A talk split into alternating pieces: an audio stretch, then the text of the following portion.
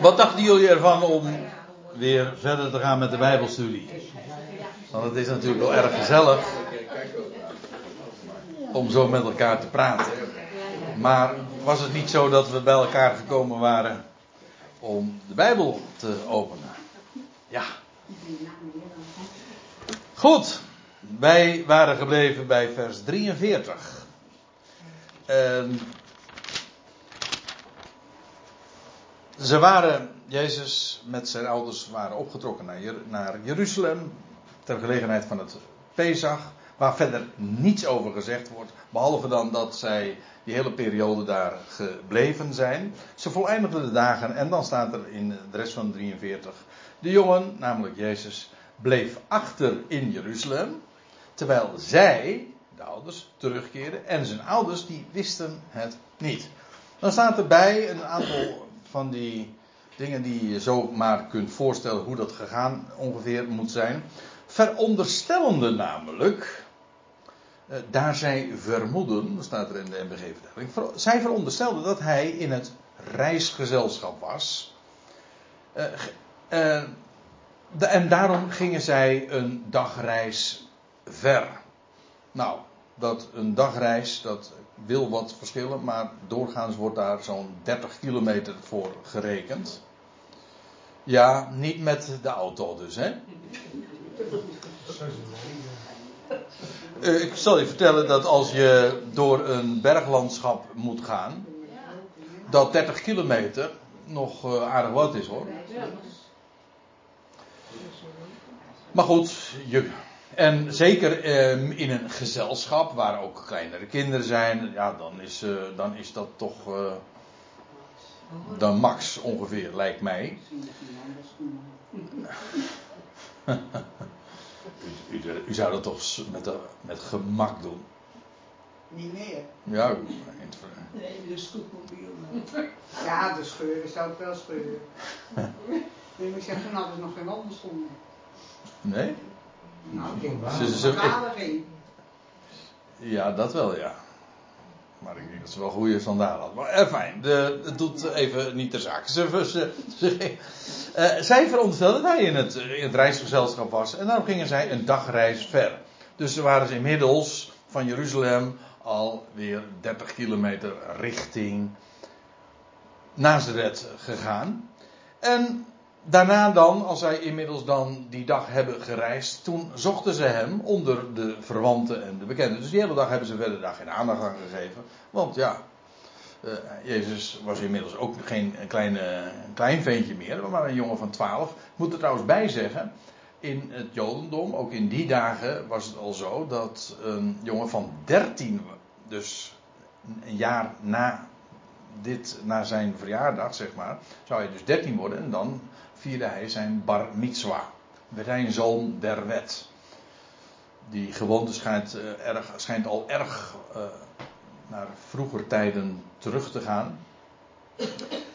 Maar uh, vandaag is dat bekend. Hè? Als je naar de, de klaagmuur gaat en dan kan het zomaar gebeuren dat je zo'n festiviteit dan meemaakt dat een, dat een jongen van, van 13 daar de, zijn bar mitzwa viert.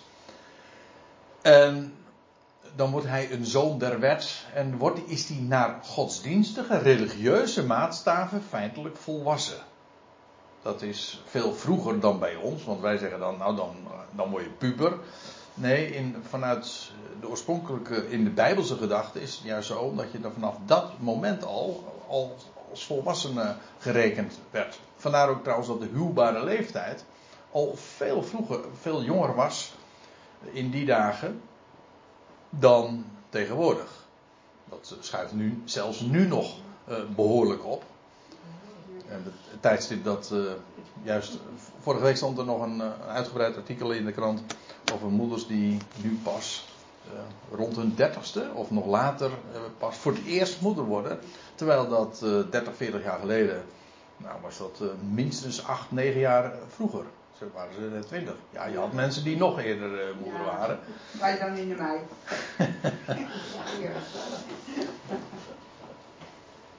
Ik had er 23 was. Ja. Nou, daar ben ik maar wat blij mee, want anders had ik hier ook niet gestaan. Nee, ja, ik heb nog Ja. Goed. Um, hoe, komen we, hoe komen we hier daar nou uh, op? Oh, hij was inmiddels uh, ja, hij was 12 jaar. Zij zochten hem onder de verwanten en de bekenden. En toen ze hem niet vonden, staat er in vers 45. Ja, wat konden ze anders doen? Toen keerden zij terug tot in Jeruzalem, terwijl zij hem opzochten. En het geschiedde na drie dagen dat zij hem vonden in de tempel waar hij gezeten was. Ja, na drie dagen, diezelfde uitdrukking vinden we in Matthäus 27, vers 64. En daar gaat het over de termijn vanaf zijn kruisiging tot aan de opstanding. En dan blijkt het een synoniem te zijn voor de derde dag. Dus na drie dagen, oftewel op de derde dag, anders gezegd, vonden zij hem in de tempel waar hij gezeten was. En dit kan je helemaal voorstellen, want ja, ze gingen eerst één dag richting Nazareth. Toen vonden ze hem aan het einde de dag van de dag niet. Dus ze zijn vervolgens een dag weer teruggekeerd. En toen waren ze in Jeruzalem. Toen hadden ze hem nog niet. Maar de derde dag, vanaf het moment dus dat zij weer eh, vertrokken waren. De derde dag vonden ze hem in de tempel. Nou zou je natuurlijk kunnen zeggen. Nou ja, dat uh, is, uh, dat is een, uh, een geschiedenis. Ehm, zo is dat toen gegaan. Maar ik zal u vertellen, er zit hier toch echt wel wat meer aan vast. En alleen al het feit dat er dan staat. Na drie dagen, oftewel de derde dag, dat zij hem weer vonden in de tempel is, vind ik schitterend. Want daar zit namelijk een hele typologie aan vast. Kijk, laat ik, dat, laat ik het, het een en ander op een rijtje zetten. Over de, de diepere zin van deze geschiedenis.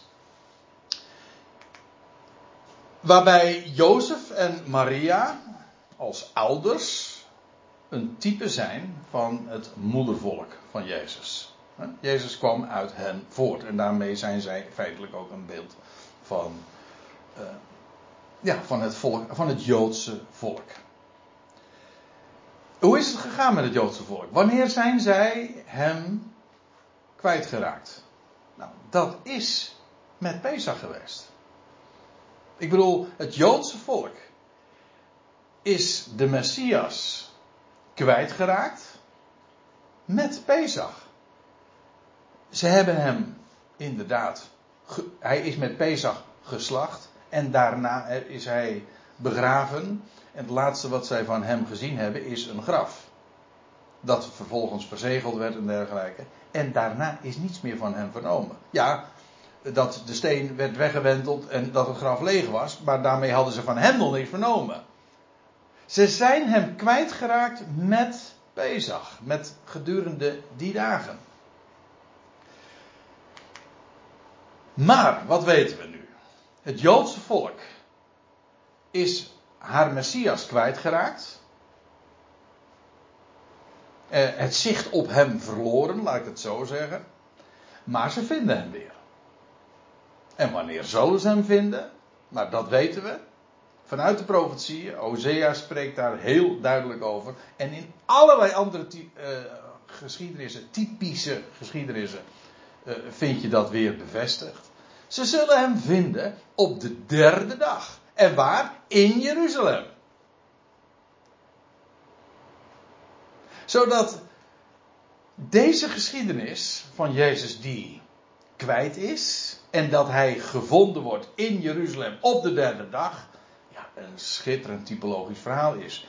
Maar nou nog wat. In die tussentijd is hij verborgen. Dat spreekt van de huidige tijd. De derde dag spreekt van de dag dat Israël haar Messias zal vinden. In die tussentijd is hij verborgen en wel in het heiligdom. Maar nou bedoel ik natuurlijk het hemelsheiligdom.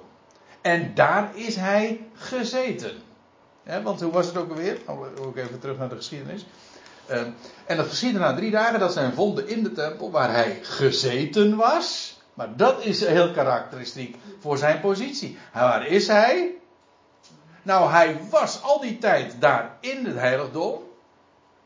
En daar zat hij. En ja, u begrijpt wat ik bedoel te zeggen. Hij is daar momenteel gezeten. En waar houdt hij zich mee bezig? Ja, met de schriften. Daar spreekt hij over en dat doet hij trouwens nu ook.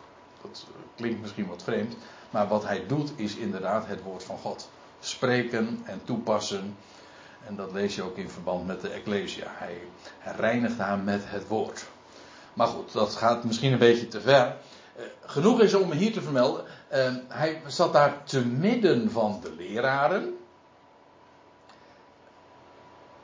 Ja, vind ik trouwens ook wel heel opmerkelijk. Dus hij had daar leraren om zich heen. Hij zit in het midden van de leraren. En hij luisterde naar hen.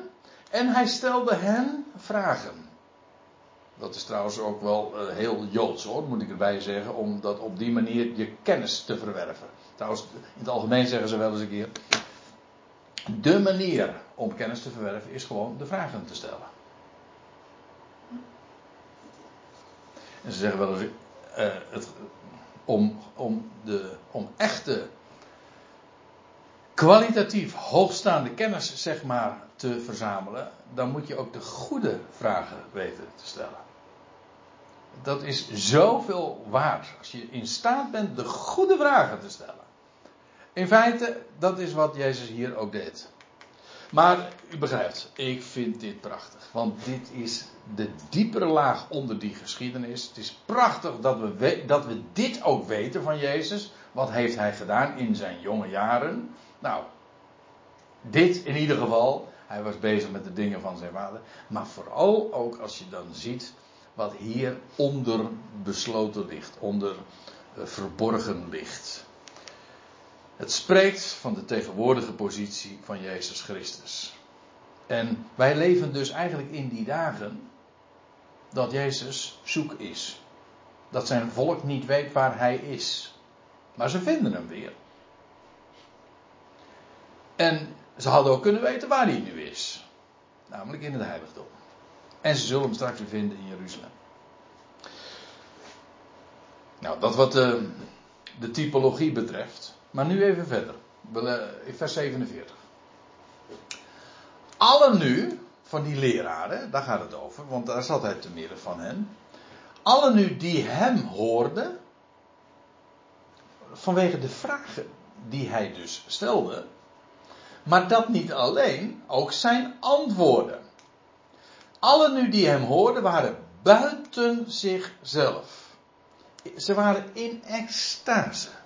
Dat is het woord wat gebruikt wordt. Ze waren buiten zichzelf. Dat is een hele sterke uitdrukking. En die leraren, die daar dus, nou die waren toch echt door de wol geverfd. En Jezus die daar in hun midden zit, een jongetje van, ja, laten we zeggen toch echt een jongetje nog, een jongen, voor mijn part, van 12 jaar. En die hen verbijstert. En buiten zichzelf doen zij eh, over het inzicht en zijn antwoorden. Ik, ik, dan lever ik trouwens eventjes kritiek op vrijwel alle vertalingen die ik hier uh, over gevonden heb. Zelfs de Concordant Version. Die vertalen hier uh, met zijn inzicht. Of zijn verstand. Maar dat staat er niet. Er staat niet zijn inzicht. Ziet u? Er staat het inzicht. Dan zeggen van nou, André. Is dat nou zo voor groot verschil? Ja, toch wel. Kijk, het gaat erom dat zij buiten zichzelf waren. Niet zozeer over zijn inzicht. Maar gewoon van het inzicht zelf waren ze buiten zichzelf. Niet het feit dat hij het allemaal wist. Maar hij vertelde hen dingen die zij helemaal niet kenden en niet, niet wisten. Kijk, je, zoals je het leest in de gangbare vertaling is het van, zij hebben zich verbaasd over het feit van, dat een jongen van 12 jaar de dingen al wist. Zij wisten het al wel, maar ze verbaasden zich erover dat hij het als 12-jarig jongen al wist. Nee, zo staat het er niet. Zij waren buiten zichzelf over het inzicht. Niet over het feit dat het zijn inzicht was, maar over het inzicht, over de dingen die hij vertelde. En die zij zelf, dat hadden zij zelf nog nooit uh, gezien. Dat, dat zicht hadden zij zelf nooit gehad. En nu een twaalfjarige jongen vertelt het hun. Ze waren buiten zichzelf. En inderdaad, buiten zichzelf over het inzicht, dus wat hij aan de dag legde, over de dingen waarover hij sprak, en zijn antwoorden. Hij, gaf, hij stelde de, de scherpe en de juiste vragen, maar ook over de antwoorden die hij vermocht te geven. Buiten zichzelf. Ook hier zie je weer trouwens dat sommige, sommige kleine details, waar je zomaar gemakkelijk overheen leest, uh, juist heel veel betekenis hebben. Die leraren die daar in Jeruzalem waren en Jezus uh, die dagen, uh, ja, die daar verbleef, die hebben dingen van hem gehoord die zij zelf nooit hebben geweten. En daarvan waren zij helemaal in extase en buiten zichzelf.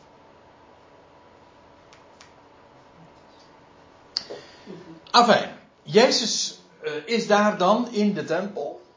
En Jozef en Maria, de derde dag, ze vinden hem. En toen ze hem waarnamen, stonden ze versteld uh, van. Stonden zij versteld en zijn moeder zei tegen hem: Kind, waarom doe je zo met ons? Eigenlijk, dat is wat er staat. Hoe staat het in de MBG? Kind, waarom heb je ons dit aangedaan?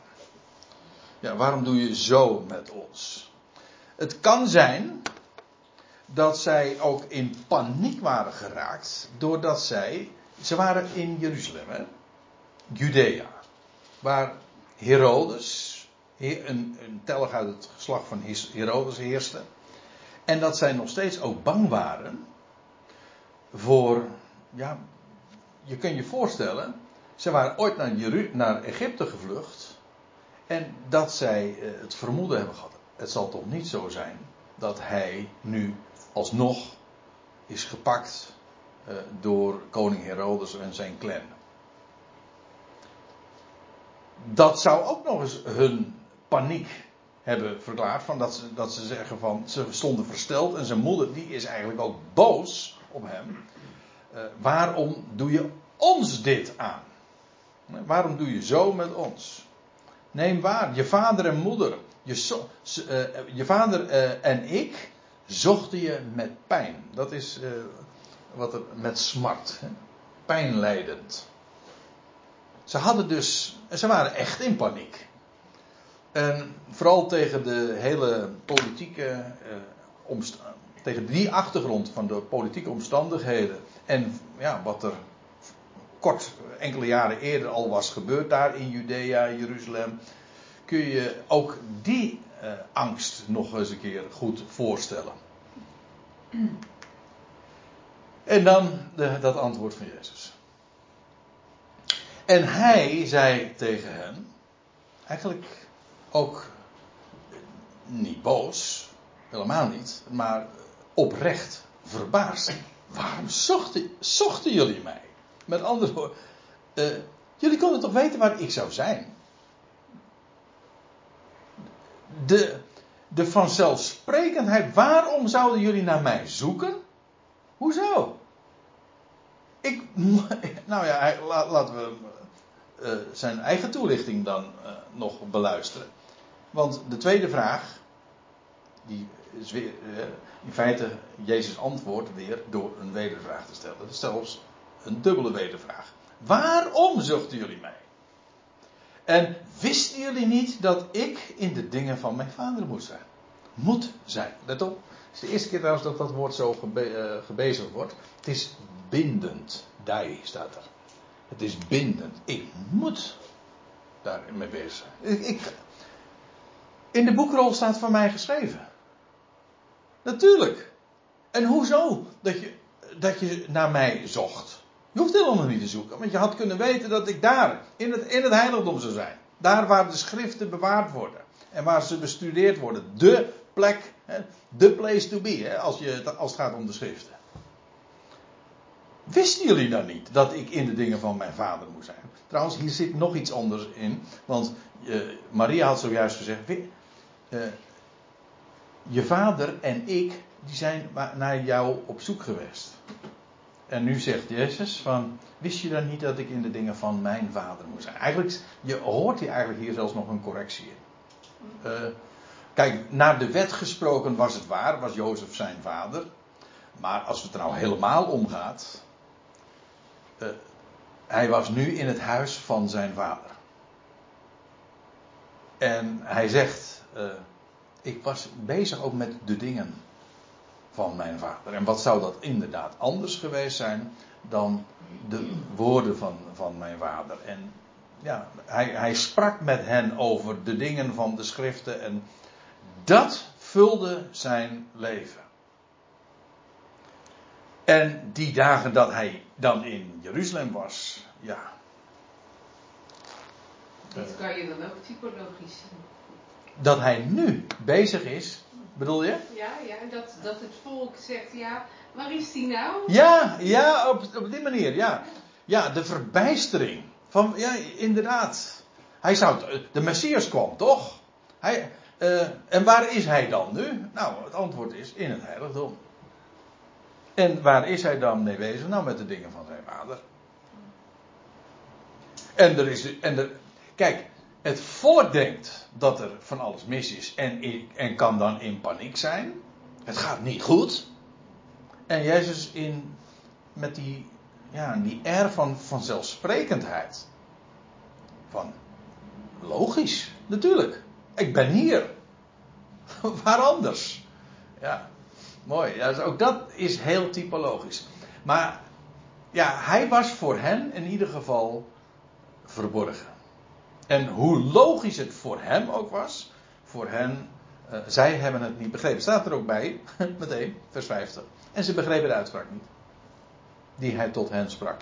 Want uh, ook dit is natuurlijk weer profetisch en, en heel cryptisch. Trouwens, cryptisch, uh, dat betekent eigenlijk ook verborgen. Hè?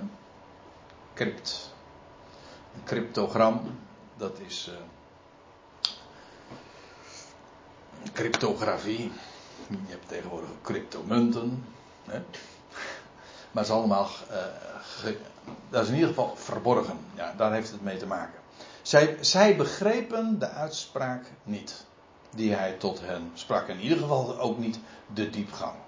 En de, de logica van Jezus. En de vanzelfsprekendheid. Dat hij natuurlijk daar was. En daarmee bezig was dat is hun ontgaan. Ze begrepen de uitspraak niet die hij tot hen sprak. En staat er, hij daalde met hen af. Hij ging terug, tegen de MBG, maar staat letterlijk ook hier, hij daalde af. Net zo, dat is weer net zo logisch als dat je leest in vers 42, dat hij met hen optrok. Maar er staat letterlijk, hij ging met hen omhoog naar Jeruzalem. Dat is letterlijk ook zo, want dat is een een opwaartse beweging. En als je dus weer van Jeruzalem naar Nazareth gaat, dan daal je weer af. En zo staat het er ook letterlijk. Hij daalde met hen af. Hij kwam tot in Nazareth. Nou, en daar hadden we het al even eerder over. Daar was hij, eh, daar werd hij ook de timmerman.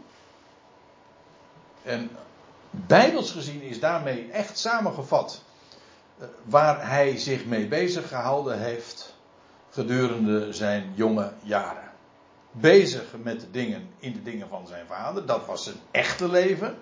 En beroepsmatig was hij de timmerman. In, de, in het Grieks staat hier trouwens een tektoon. Uh, al voor timmerman. En dat betekent letterlijk een handwerkman. Je hebt ook een architecton. Dat kennen we in het Nederlands, een architect. Hm? Dat is een bouwmeester. Paulus zegt ook als een kundig bouwmeester, als een architectoon heb ik de heb ik de Ecclesia gebouwd op het, op het ene fundament. Hij kwam tot in Nazareth, nu als uh, inmiddels twaalfjarige jongen. En staat erbij, hij was hen ondergeschikt. Het, dat wordt er natuurlijk ook nog even bij vermeld, omdat je natuurlijk de indruk zou kunnen wekken dat Jezus een, uh, zich rebels had opgesteld ten opzichte van zijn ouders en dat hij gewoon zomaar zijn eigen gang ging. Nee, helemaal niet. Hij moest in de dingen van zijn vader, zijn vader zijn. Hij was juist ondergeschikt. En dat was, hij was absoluut niet rebels, maar hij heeft zich als jongen van 12 en in het huis van zijn ouders heeft hij zich ondergeschikt aan, ja, aan het ouderlijk gezag. En dan staat er nog bij, en zijn moeder bewaarde zorgvuldig al de uitspraken in haar hart. En hé, hey, die herkennen we natuurlijk, want dat hebben we al even eerder gelezen, want toen de herders op bezoek waren geweest, en toen de herders ook verteld hadden wat er zojuist had plaatsgevonden in de velden van Evereta, dan lees je ook dat Maria dat aanhoorde en ze, ze overwoog dat en ze bewaarden het in haar hart. En trouwens, nu ik het zeg, moet ik er eens weer aan denken dat als Maria. Wacht even hoor, nou moet ik het goed zeggen.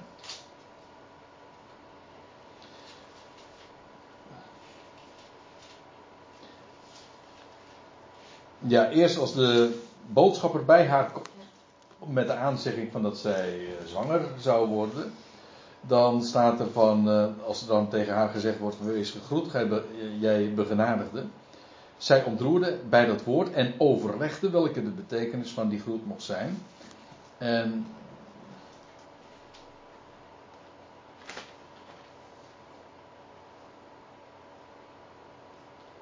Nee.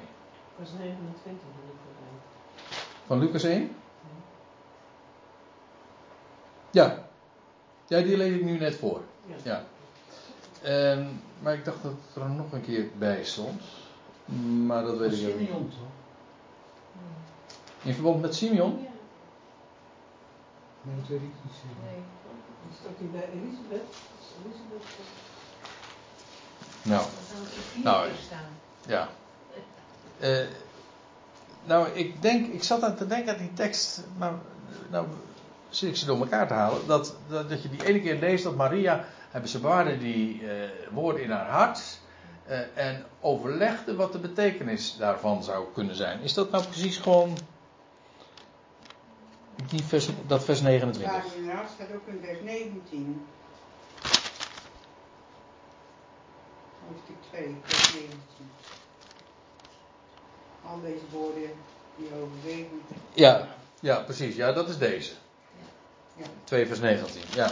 Maar ik dacht dat er nog eentje was. Maar waarschijnlijk uh, uh, uh, vergis ik me nu. In ieder geval, enige keren lezen we dat van Maria. Dat ook heel specifiek tegen haar dingen gezegd zijn. En ze, ja, wat, als je de betekenis ervan niet kent, dan is het het meest verstandig ook wat je doet kunt doen. Als je weet dat het de goddelijke oorsprong heeft. Dat geldt trouwens in het algemeen ook voor ons. Je neemt de schrift tot je. En hoe vaak gebeurt het dan niet dat je denkt van wat zou dat nou betekenen? En wat doe je dan? Je slaat ze op. In je hart. Je bewaart ze. En ondertussen denk je erover na wat de betekenis van zou kunnen zijn. Zou het misschien zus betekenen? Zou het zo zijn? Je, je hebt het eens een keertje met anderen over. En het kan zijn dat dat, ik, het is mij nou, ik, uh, als ik eventjes eh, ga graven, ik denk, ik dat ik heel wat voorbeelden kan geven dat ik dingen heb meegemaakt, ook dat je, dat je teksten, dat je je daarvan afvraagt van, ja, wat zou de betekenis daarvan zijn? En dat je de hele tijd dan gewoon maar, hoe zeggen ze dat? Parkeert, ja, zo zeggen we dan, hè? je parkeert ze, eigenlijk veel mooier, je slaat ze op in je hart. Ondertussen uh, ja, gaat die, om even in computertermen te zeggen, uh, gaat die search engine, hè, gaat maar verder, die zoekmachine, en zoek je verder. Maar dat is vaak op een onbewust niveau. En dan komt er een keer een moment dat je zo'n aha-erlebnis hebt, op zijn Duits gezegd dan weer. dat je, ah joh, wacht even, dat is het. Dat is het. En dan, ja, Oh, dat is ook, eh, dat is weer, goh, wat zijn we buitenlands bezig. Hè? Dan zeggen ze connect the dots. Hè? Eh, verbind de puntjes met elkaar. En ineens zeg ik, ah, nou zie ik de samenhang. Nu begrijp ik hoe het zit. En dan, nog anders gezegd, dan valt het kwartje. Ja. Mooi. Maria bewaarde zorgvuldig deze uitspraak in haar hart. En someday, somehow, komt dat allemaal boven en uh, wordt de betekenis helder. En dan het laatste vers van Lucas 2. Dan staat er, en Jezus nam toe in wijsheid en in postuur. Dat lazen we al van de kleine jongen nadat hij als na de 40ste dag gearriveerd was in Jeruzalem, eh, pardon, in Nazareth. Toen was hij nog maar een kleine jongen. Nu was hij inmiddels een, bijna naar de wet gerekend in ieder geval, een volwassen man, 12 eh, jaar. En hij nam toe in wijsheid, nog steeds. Hij nam toe in wijsheid, dat is de binnenkant natuurlijk. En in postuur, hij groeide nog steeds en werd hem uh, niet alleen maar. Er stond in het voorgaande vers, uh, in vers, wat was het? Vers 40. Hij nam toe in grootte. Nee, nee, staat, wat staat anders? Hij werd krachtig. En hier staat hij, hij nam toe in postuur, hij, in grootte, in statuur. Dit woord is dat. Um, en staat erbij, in gunst bij God en mensen. Ook hier staat trouwens weer hetzelfde woord, namelijk charis. Genade. Dus hij stond in de gunst bij God. En ook hij nam toe eh, in gunst bij, ook bij de mensen. Gods genade was met hem. En de, er staat in, dat, daarmee wil ik dan afsluiten, in Romeinen 12. Ik heb er geen eens een diaatje van, maar Nee, dat is trouwens niet Romeinen 12, dat is Romeinen 14.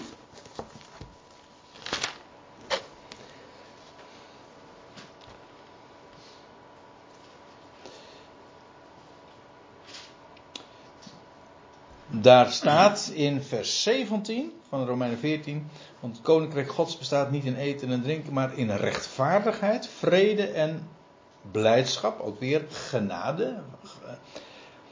En in Heilige Geest. Want wie in deze geest een slaaf is van Christus, en er staat erbij, is wel gevallig bij God en beproefd bij de mensen. De mens, ook de mensen, zelfs als, je, als men niet in de gaten heeft uh, waar je werkelijk je bronnen hebt en wat je echt te melden hebt en de, de betekenis van dat waar je voor staat, zelfs als men dat niet in de gaten heeft, dan nog onderscheidt men wel hoe krachtig het is om een recht pad, maar ook de genade te zien. Hier ook, de genade, de vreugde. Dat is, een, dat is namelijk niet menselijk.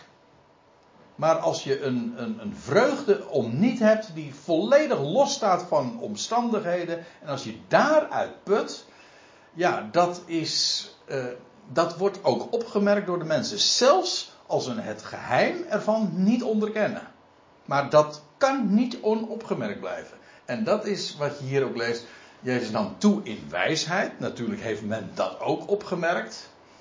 Uh, hij werd groter. Nou ja, dat merk je sowieso al uh, natuurlijk. Maar ook die genade bij God. Hè? En, en de mensen dat werd uh, opgemerkt. En daarmee wordt dus beschreven hoe Jezus als twaalfjarige jongen en daarna gevormd werd, groeide, uh, toenam in allerlei opzichten, in allerlei facetten. En zo werd hij een man van 30 jaar. En wat dacht je wat, als je dan in Lucas 3 aankomt, dan is het inderdaad zover. Want dan ineens zijn, wordt er 18 jaar overgeslagen. En eigenlijk is het zo dat vers 52 de hele periode beschrijft vanaf zijn twaalfde. Nadat dat, dat gebeurde in Jeruzalem enzovoort, dat hij daar verborgen was. Tot aan zijn dertigste, tot aan zijn publieke optreden, is in één pennenstreek door Lucas opgetekend. Dit is de beschrijving van die, al die jaren daartussen. Hij nam toe in wijsheid, in postuur en in genade bij God en mensen. En dat is Lucas 2. En de volgende keer gaan wij dus eh, verder met Lucas 3. En meer uh, diaatjes heb ik niet. En Lucas, verder in Lucas 2 kan ik niet gaan, want uh, we zijn bij de grens gekomen, vers 52. Zullen we het daarbij laten en onze Hemelse Vader danken.